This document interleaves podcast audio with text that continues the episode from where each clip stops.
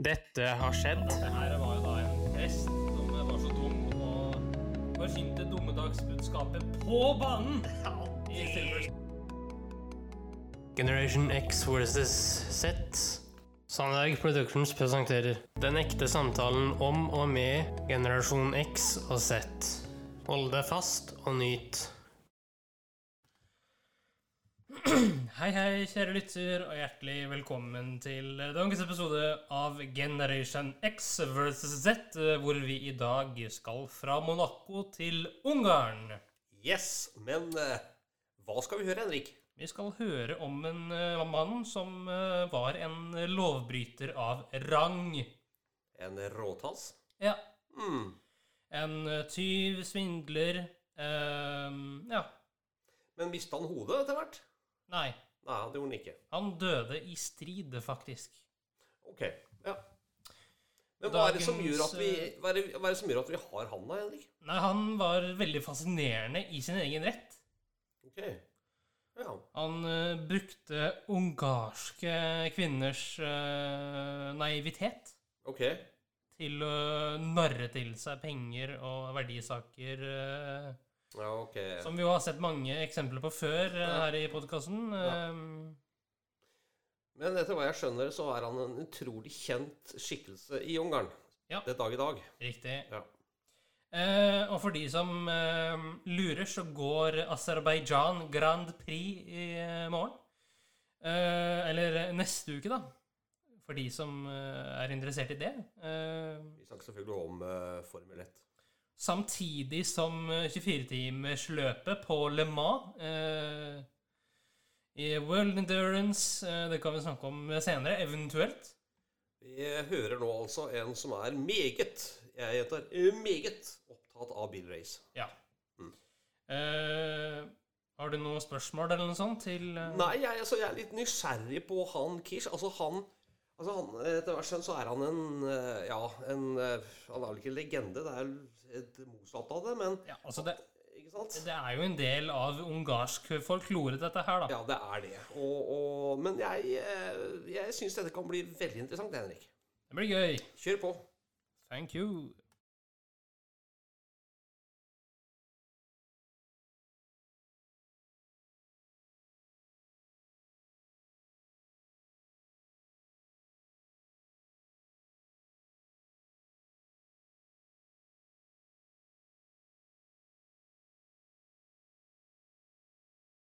Virkelige hendelser og inneholder flere grafiske skildringer.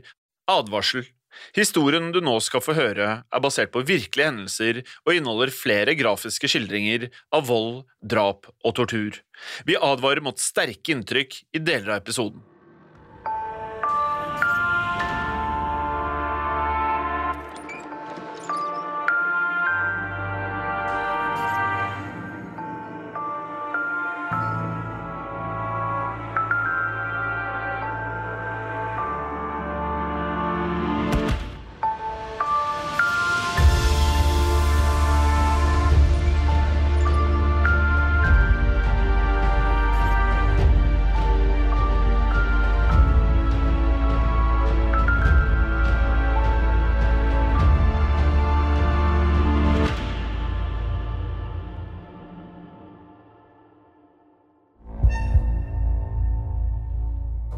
Bela Kish ble født i 1877 i byen Ishak i Østerrike-Ungarn.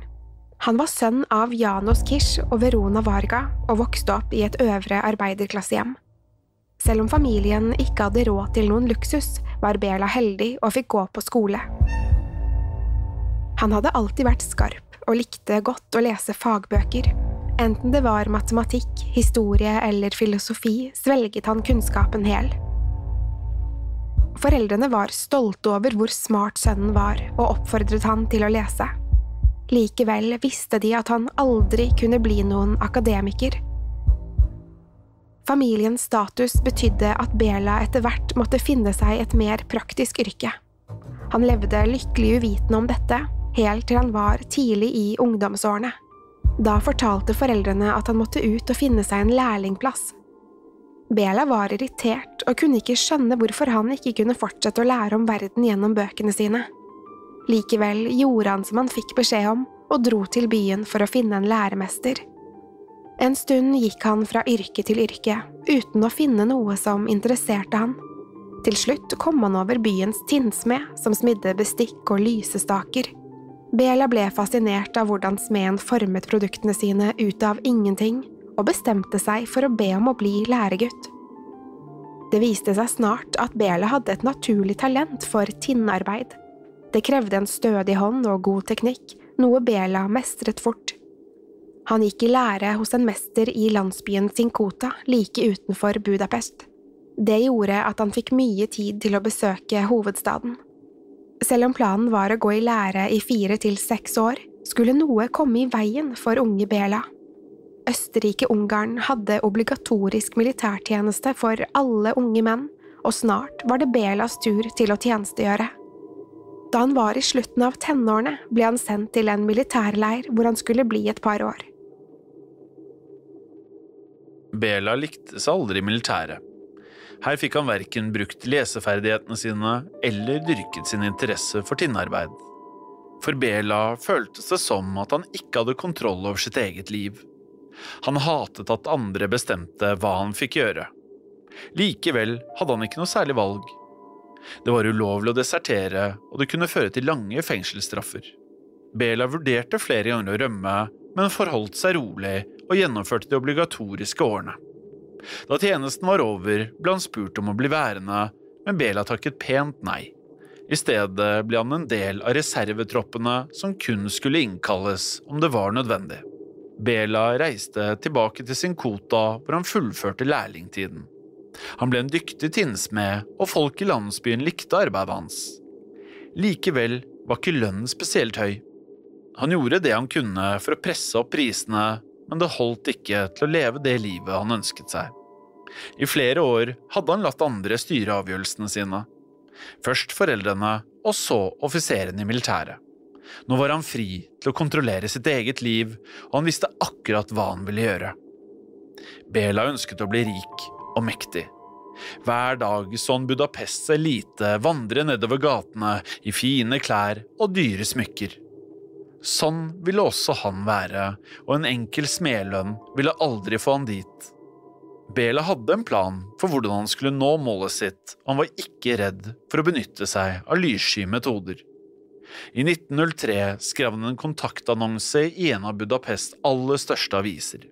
Han brukte falsk navn og påsto at han var ute etter en kvinne å dele livet med.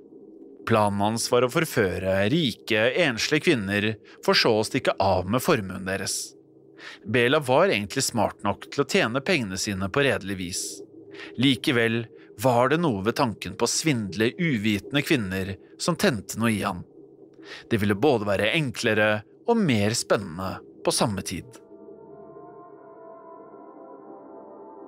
Om noen hadde visst hva Bela holdt på med, ville de sett at han begynte å utvikle psykopatiske tendenser.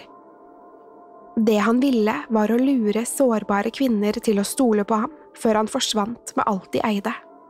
Spørsmålet var bare om planen hans kom til å virke. Først ble noen nødt til å svare på kontaktannonsen hans. I flere dager fulgte Bela med i postkassen sin og ventet spent på om noen ville bite på. Etter et par uker begynte det å strømme inn brev fra enslige kvinner som hadde lest kontaktannonsen. Kvinner fra hele Budapest sendte lange kjærlighetsbrev til ham og ba om et møte. Bela hadde ikke regnet med en slik respons, men her kunne han plukke og velge som han ville. Derfor trengte han en plan for hvordan han kunne lure flest mulig ut av formuene sine. Det første han gjorde, var å velge ut de kvinnene som virket som de hadde mest penger. Bela svarte på brevene deres og fremsto som en sjarmerende og hengiven mann.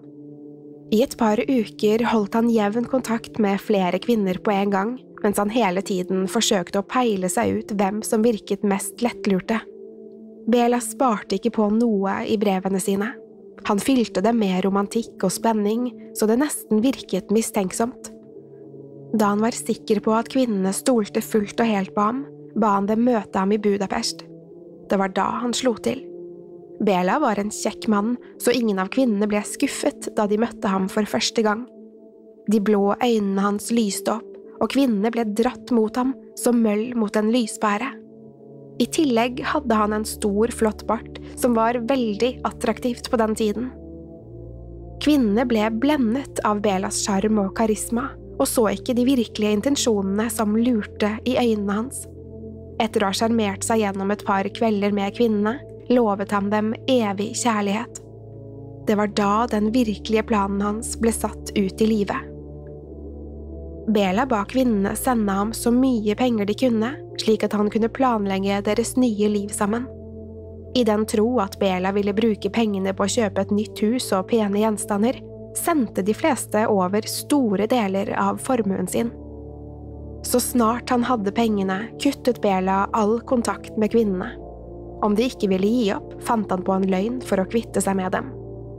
Kvinnene satt igjen alene, uten penger og med kjærlighetssorg, mens Bela levde i sus og dus og kunne fortsette å svindle. Det var dette han alltid hadde ønsket seg. Nå hadde han full kontroll over sitt eget liv og kunne gjøre akkurat som han ville. Bela fortsatte å svindle uvitende kvinner i årevis. Mellom 1903 og 1910 lurte han utallige kvinner til å gi fra seg pengene sine. Selv brydde han seg verken om kvinnenes følelser eller økonomi. Så, i 1911, skulle Bela møte en ung kvinne som endret alt. Kvinnen het Maria og var 20 år gammel. Hun kom verken fra en rik familie eller hadde penger som Bela kunne stjele. Likevel valgte han å gifte seg med henne. Det kunne virke som Bela faktisk var forelsket i Maria, for snart hadde de flyttet sammen i sin kvota. Etter dette sluttet han med svindelen og fortsatte å jobbe som tinnsmed i stedet. Han ble snart populær i landsbyen og også kjent for arbeidet sitt. Det føltes som om Bela endelig var klar for å leve et ærlig og redelig liv. Likevel var ikke alt like rosenrødt som det så ut til. Det tok nemlig ikke lang tid før Maria begynte å kjede seg i ekteskapet. Da hun møtte Bela, hadde han virket så ambisiøs. Nå levde de kun et vanlig arbeiderklasseliv. Snart var hun så lei at hun begynte å møte andre menn bak Bela sin rygg. En av dem var en ung kunstner som bodde like i nærheten. Forholdet hadde ikke vart lenge før Bela fikk greie på hva det var som foregikk. Han var rasende og følte seg ydmyket foran hele landsbyen. Folk hvisket når han gikk forbi, og Bela klarte ikke å late som han ikke hørte dette. Nå som det var han som ble lurt, var det ikke like morsomt. Bela ville ha hevn på både Maria og elskeren hennes for at de hadde gjort han til latter. En dag lokket han begge to inn i leiligheten sin. De var ikke klar over at Bela visste om forholdet deres, og regnet med at det var trygt. Paret hadde så vidt kommet inn døren før Bela gikk til angrep. Uten at de merket det, grep han en ildtang og slo den alt han kunne i hodene deres. Han hadde slått med en sånn kraft at begge mistet bevisstheten. De blødde voldsomt fra hodet, og Bela stirret ned på dem med hat i blikket. Likevel var han ikke fornøyd med kun å skade dem. Mens de fremdeles lå utslått, bandt han et rep rundt halsen deres og strammet til. Maria og kunstneren ble kvalt til døde på Belas kjøkkengulv. Fremdeles var ikke Bela ferdig med dem. Han var fortsatt rasende over hva de hadde gjort og ville utnytte situasjonen maksimalt.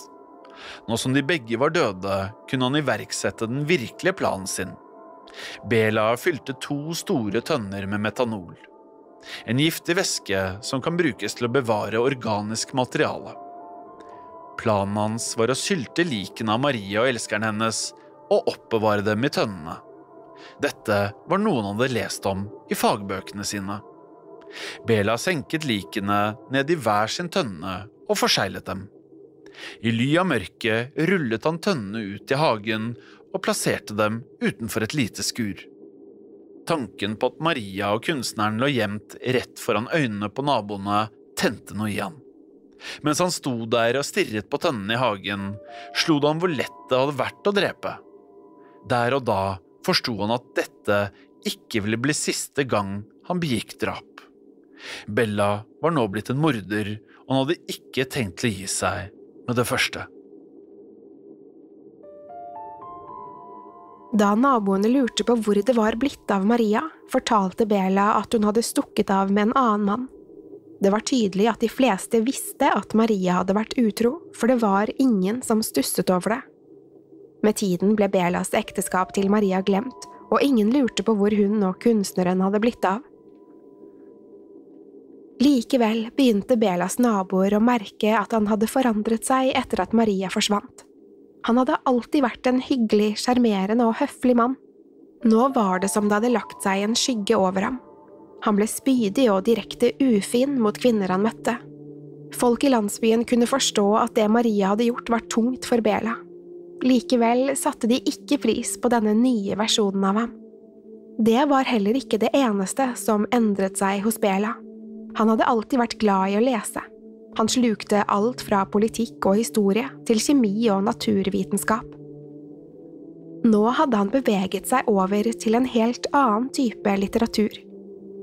Han hadde begynt å bli opptatt av det okkulte og overnaturlige, og fortalte gjerne vennene sine om det han leste. Noen likte dårlig at Bela hadde blitt spirituell og trakk seg unna. Andre lyttet gjerne til historiene hans og syntes det var spennende. Etter hvert begynte Bela å legge merke til at disse temaene hadde en spesiell påvirkning hos kvinner. Mens menn hadde en tendens til å snøfte av historiene, ble kvinner dratt mot dem. Dette var han sikker på at han kunne bruke til sin fordel. Snart begynte han å forføre kvinner med historier om mørke vesener og okkulte ritualer. I 1912 møtte Bela en kvinne som het Louisa, på en kino i Budapest.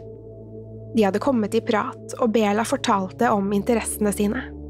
Som forventet ble Louisa oppslukt av historiene hans.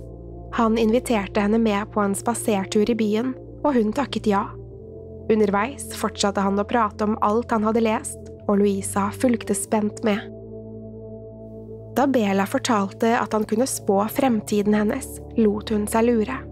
Han tok henne med seg hjem, hvor han tilbød henne en drink. Den skulle hjelpe til å klarne tankene hennes, slik at hun skulle bli lett å lese. Louisa drakk, og etter et par minutter begynte hun å føle seg svimmel. Til slutt segnet hun om i en stol og sluknet. Flere timer senere våknet hun, midt i en ukjent park.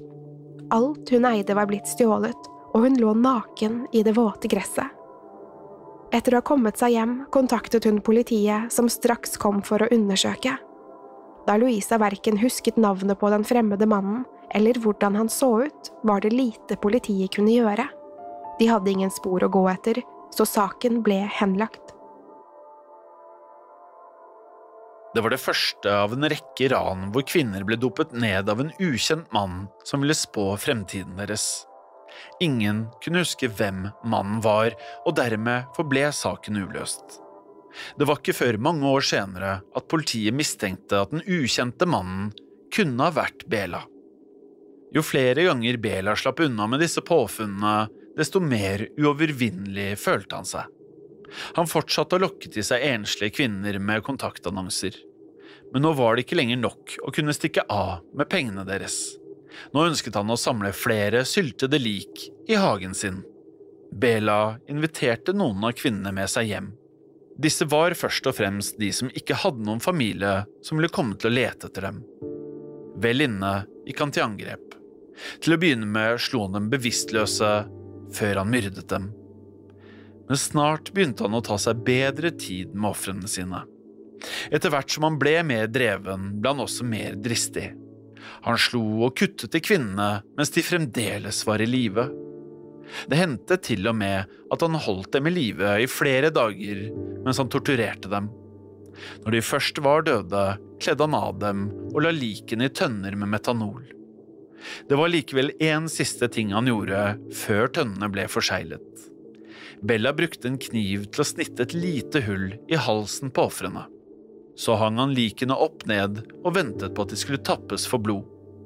Som regel gjorde han dette etter at ofrene var døde, men det hendte også at han tømte dem for blod mens de fortsatt var i live. Senere var det mange som trodde at Bela brukte blodet i okkulte ritualer eller drakk blodet for å få overnaturlige krefter. Det ble riktignok aldri bekreftet. Likevel skulle han etter hvert få tilnavnet Vampyren fra Ungarn. Bortføring og drap ble snart en form for eksperimentering for Bela. Han leste bøker om mord og henrettelser, og endret metoder etter det han leste. For ham var ofrene kun prøvekaniner som han kunne gjøre hva enn han ville med. Bela hadde ingen sympati med kvinnen han drepte. Om kvinnen han hadde med seg hjem viste seg å ha familie, tvang han dem til å skrive et avskjedsbrev. Med kniven mot strupen måtte de skrive at de hadde reist til Amerika og at de aldri kom tilbake. På den tiden var det ikke uvanlig at folk emigrerte til Amerika fra Østerrike-Ungarn. Derfor var det også få som ville mistenkt at noe grusomt kunne ha hendt dem.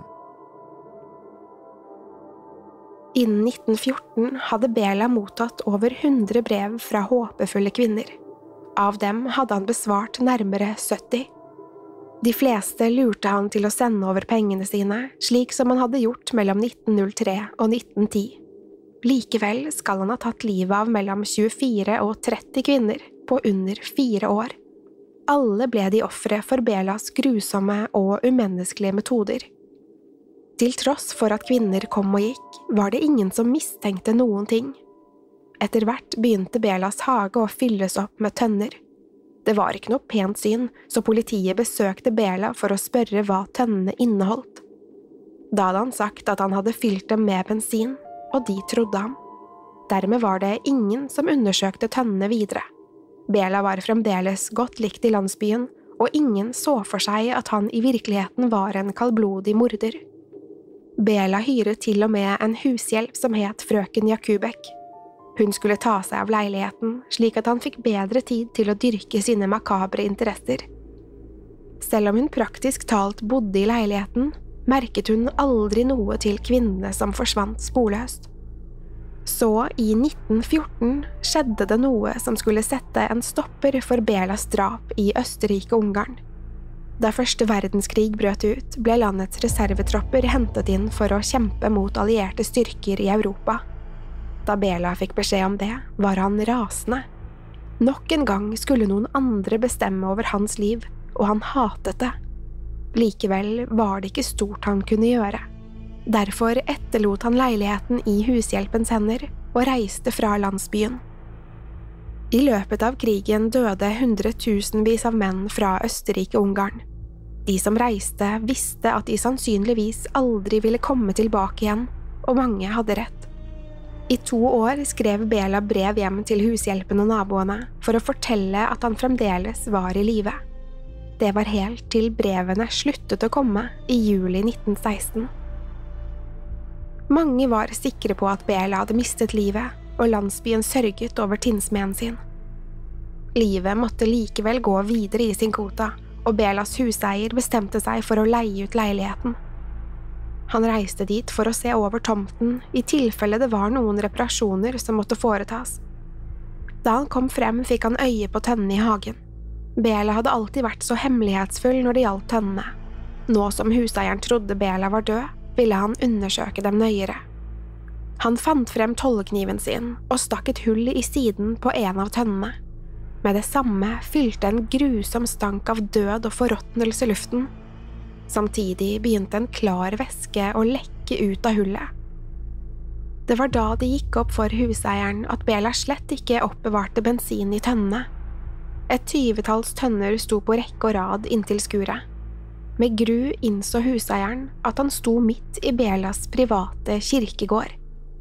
Han kontaktet straks politiet, som kom med flere etterforskere for å undersøke. Da de åpnet hendene, fant de en rekke nakne, vel bevarte lik. Det var ikke tvil om hvordan de hadde dødd, da skadene deres fremdeles var synlige. Noen hadde stikksår, mens andre hadde kraniebrudd eller røde merker rundt halsen. Alle utenom ett lik tilhørte kvinner. Da politiet undersøkte leiligheten, fant de alle brevene som Bela hadde fått av håpefulle frierinner. Det var åpenbart at Bela var mye farligere enn noen kunne ha sett for seg. Selv om de fleste trodde at Bela var død, tok ikke politiet noen sjanser. Det ble tegnet en skisse av ham som ble sendt til alle militærleire, sykehus og politistasjoner. Om noen hadde sett ham, ville politiet snart vite hvor han var. Imens ble detaljene om funnene i Belas leilighet lekket til befolkningen. Det var spesielt én ting som folk hang seg opp i. Stikksårene i noen av ofrenes hals gjorde at mange ble overbevist om at Bela hadde vært en ekte vampyr. Mange i Østerrike-Ungarn var fremdeles overtroiske på starten av 1900-tallet. Derfor tok det ikke lang tid før historien om Bela nådde mytiske proporsjoner. Etterforskerne på sin side fortsatte å lete iherdig etter Bela, men kom ingen vei. De reiste til en rekke sykehus og lette gjennom dødsjournalene. Likevel var han umulig å finne. Det var som han hadde gått opp i røyk. Dette forsterket bare ryktene om at Bela faktisk var en vampyr, men plutselig fikk politiet napp. Meldingen kom fra et sykehus i Serbia der de mente Bela var en av pasientene. Fulle av håp reiste etterforskerne dit, men de var for sent ute. Før de rakk frem, hadde mannen dødd av skadene sine. Da etterforskerne ba om å få se Belas lik, kunne de ikke forstå noen ting. Mannen i sengen var ikke Bela Kish. Etterforskerne gransket samtlige journaler på sykehuset før de fant noe interessant. En mann som passet til Belas beskrivelse, men som hadde et annet navn, og blitt skrevet ut samme dag som mannen i sengen døde. Nå var de sikre på at Bela hadde byttet om på journalene og stukket av med falsk identitet. Dermed ville han bli umulig å finne. Han kunne være hvor som helst og gå under hvilket som helst navn. De fortsatte å lete i flere år, men måtte til slutt gi opp. Bela var forsvunnet, og det var lite å gjøre ved det. Gjennom årene var det mange som mente å ha sett Bela over flere deler av Europa. Likevel skulle aldri disse observasjonene lede til noen oppklaring. Selv i Amerika var det flere som påsto å ha sett Bela. En etterforsker i New York mente å ha sett han utenfor en T-banestasjon i Times Square. Etterforskeren fulgte etter mannen, men mistet ham av syne. Etter det var det ingen som så han igjen. Den dag i dag er det ingen som vet hvor det ble av den notoriske vampyren fra Ungarn. Han ble aldri stilt for retten for drapene på sårbare kvinner i hjemlandet. Likevel lever legenden om vampyren fremdeles i Ungarn. Bella kom fra en støttende familie og fikk muligheten til å leve et godt og stabilt liv. Likevel ønsket han seg mer. Han ville leve i luksus, og ingenting skulle stå i hans vei. Bela var ikke fremmed for å bruke uetiske metoder for å få akkurat det han ville. Da den eneste kvinnen han noen gang elsket, bedro han, svartnet det for Bela. Fra det øyeblikket var han en kaldblodig morder uten sympati med ofrene sine. Det som hadde begynt som et hevndrap, ble snart en fascinasjon med drapsmetoder og preservering av lik. Til slutt skulle dette koste minst 24 mennesker livet. Da Bela forsvant, ble han til et mytisk ondt vesen i folks øyne. Han tappet ofrene sine for blod og ble dermed omdøpt vampyren fra Ungarn. Sannheten var at han var en hensynsløs drapsmann. For det skriver Bela Kish i vår bok av syndere.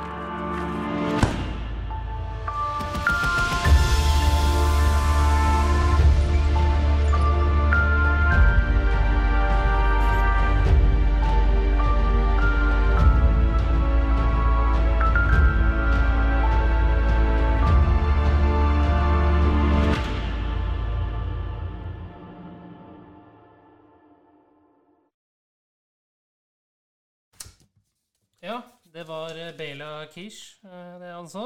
Ja, det er Ja, altså Han var vel egentlig et beist. Ja. Eh, Kort og greit. Ja. ja. Eh, Den der eh, uttalelsen jeg kom i stad, om at han var en svindler og en drapsmann, det var jo ikke feil. Det var ikke feil, men han var jo rett og slett et beist. Ja. Jeg burde vel også sagt det. Jo, men nå, fikk jeg iallfall Ja, skal jeg si for noe. Hadde det vært kino, så tenk om det hadde vært en film. Ja, Det er sikkert en film, eh, for alt vi vet. Ja, det kan tenkes. Det er litt av en eh, Det er litt av skrekk, altså. Se bare på Anne Arlet, eh, Ja. hva som skjedde der. Absolutt. Det var jo mye av det samme greiene. Har du mer til oss, kjære sønn? Ja da. Ok. Jeg har NRK. Selvfølgelig!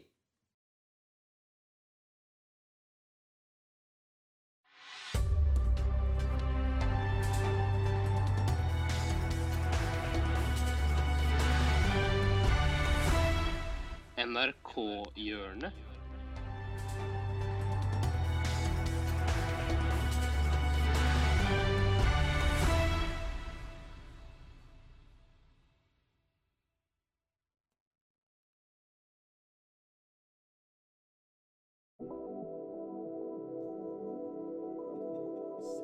Selvfølgelig har vi NRK. Ja da. Eh, hva har du tenkt å by på eh? I dag så har jeg tenkt til å by på et veldig obskurt scenario. Ok.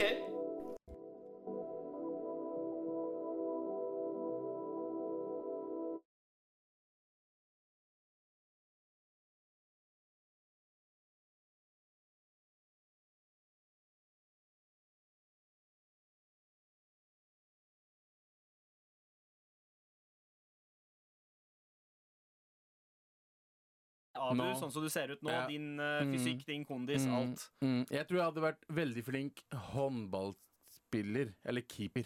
Keep Oh! Håndballspiller-keeper. Fordi målet er så liten. Ja, Jeg er veldig stor. Ja, Jeg hadde dekket moroppgjøren til. ja sånn, ja. Og så trenger jeg ikke løpe eller gjøre noe som Altså, helst. det er er sant, det. Og så er du ganske lang òg. Og så er jeg ganske lang også. så du har- Hendene mine det kommet frem til hjørnet og hele pakka. Er det noen annen sport man kunne ha sett for seg at Abu kunne ha vært eh, god i? Jeg, jeg ser jo litt for meg at du målmann-greier. Ja. Hva heter den der uh, fjaseversjonen av uh, b- b- bordtennis? eh, Hæ? Det heter noe annet. Pingpong? Tennis. Nei, det, det, det, er, det er bordtennis, men det er bare sånn tre baller, og så har du bare dress, og så sigger du. Det heter, hva heter det? JT, du vet hva det heter. Jo, ikke bordtennis. Jeg mente, jeg mente biljard. Snooker. Snooker! Snooker. Du hadde vært en jævlig fet snookerspiller. Du hadde på deg hatt på deg en sånn svart vest, hvit skjorte, sigga, og så hjørne. Du hadde sagt alltid hva du skulle gjøre rett før du skulle det de gjør. Venstre, høyre, venstre hjørne. Jeg tror, ja, har du, men kan du snooker? Nei. Jeg var into snooker en periode, ser du. Ja, okay. Og det er, det er så mye presisjon og mye vanskelig. tenking. Jeg tror, ja, jeg tror Dessverre så tror jeg det hadde punktert der det er sånn Nå må du tenke, nå må du tenke fire slag frem. Ok, ok, ok. Nå- ok, Nei, nei, nei. Jeg, jeg, vent, vent, vent. jeg utfordrer deg. OK. Snuker. Ja, snooker. Så vi ser hvem faen som vinner. Men jeg innså nettopp hva jeg sa, at det er bordtennis. Folk har på seg dress og, og sigger. av Tre baller. Ok, ok. Uh,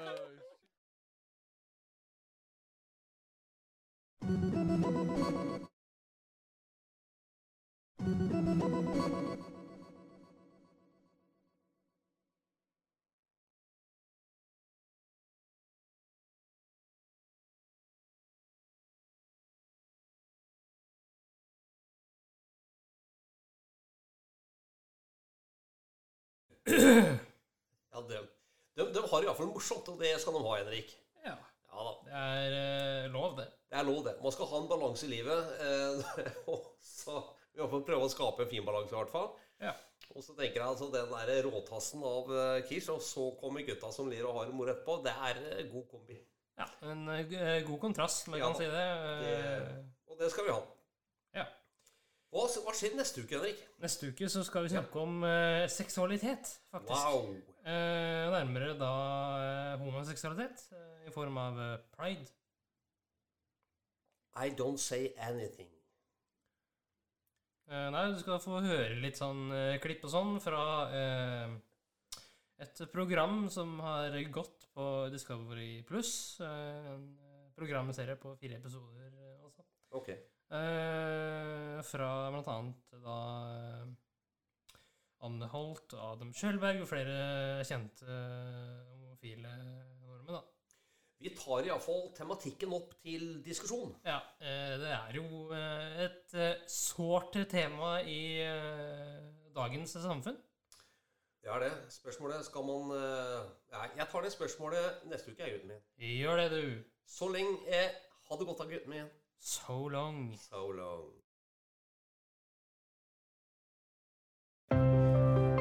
Tusen takk for at du fulgte oss. Eh, Gi gjerne tilbakemelding, likes eller kommentar på Facebook-siden vår Generation X versus Z. Velkommen igjen til neste podkastepisode. Hei då!